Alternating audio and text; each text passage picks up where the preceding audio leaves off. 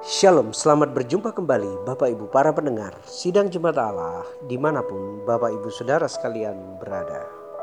Saya percaya Bapak Ibu Saudara sekalian dalam kondisi yang sehat, diberkati oleh Tuhan, dipelihara dalam segala kebaikan serta kemurahan Tuhan.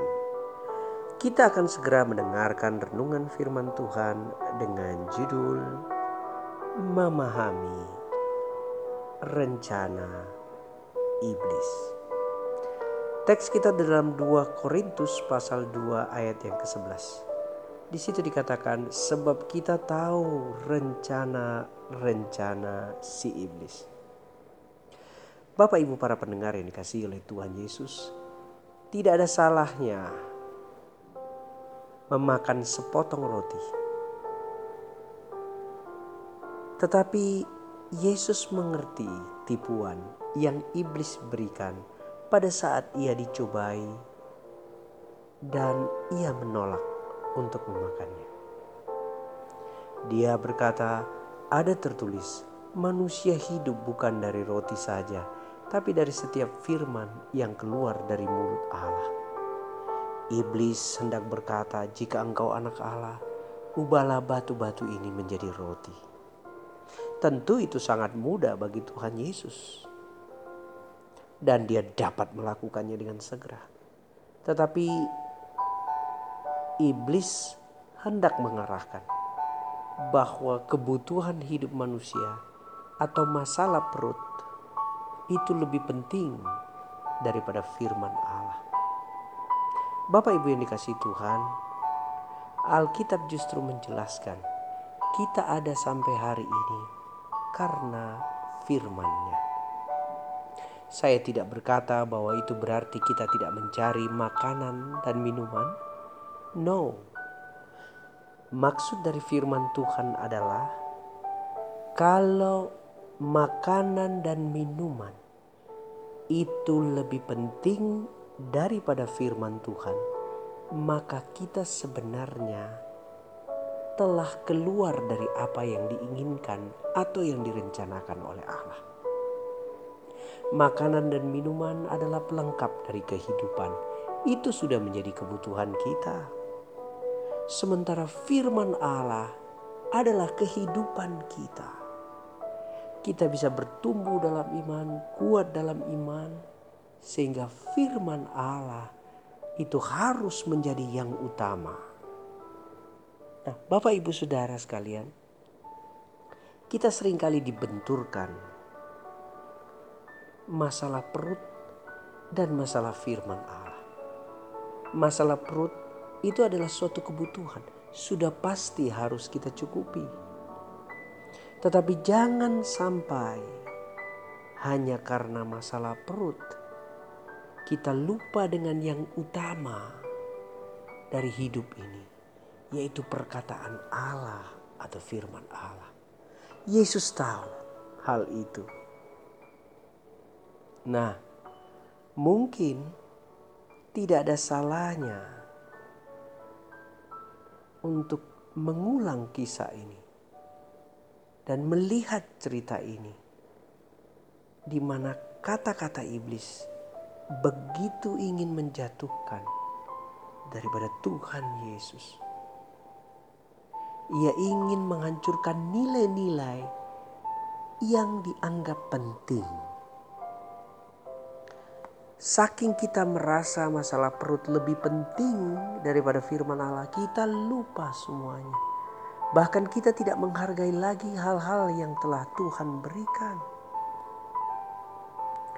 Padahal Bapak Ibu Saudara, Tuhan sanggup mencukupkan kebutuhan kita. Tuhan sanggup melimpahkan kita dengan berkat-berkatnya. Ini yang kita lupakan.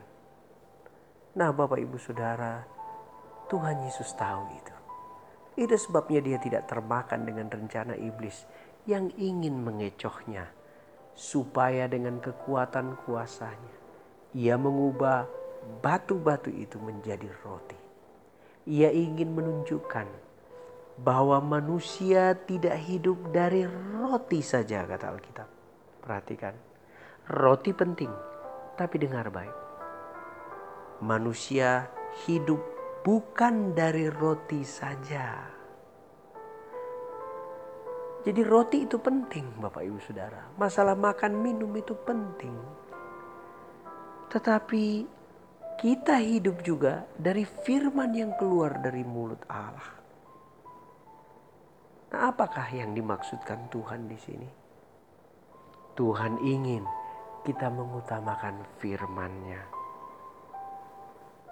Tuhan ingin kita mendahulukan hal-hal yang rohani. Kadangkala kalau itu menyangkut hal jasmani, kita malah mengesampingkan hal-hal rohani.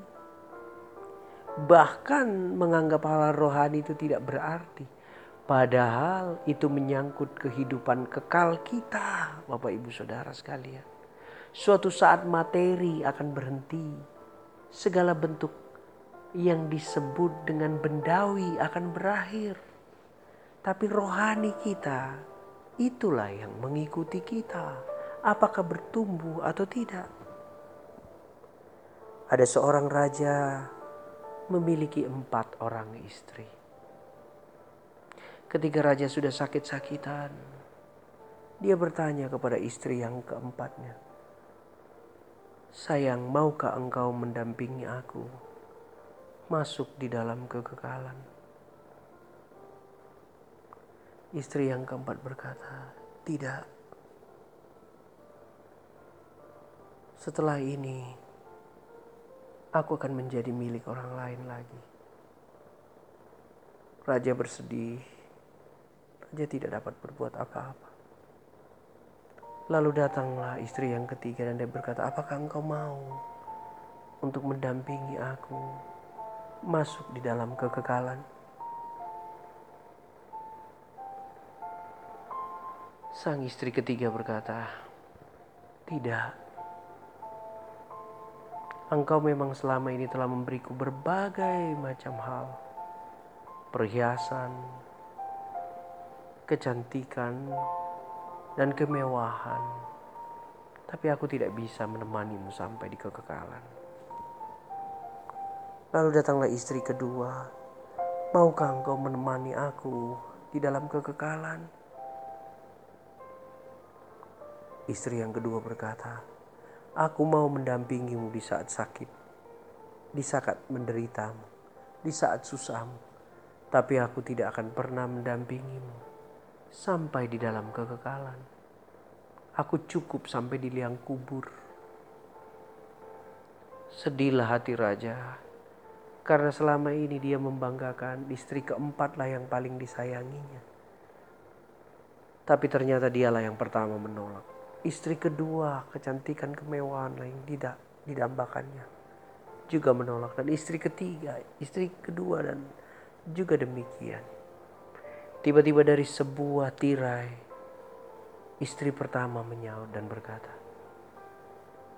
Aku yang akan menampingmu masuk di dalam kekekalan.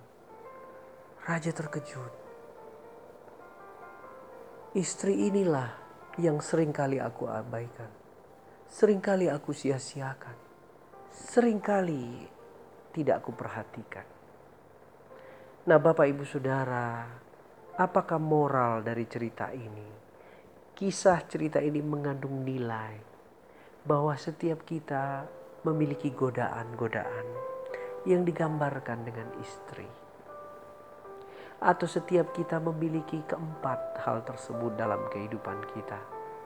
Istri yang keempat kita adalah harta benda, kekayaan, emas, perak, dan permata tapi setelah itu kita sampai di liang lahat.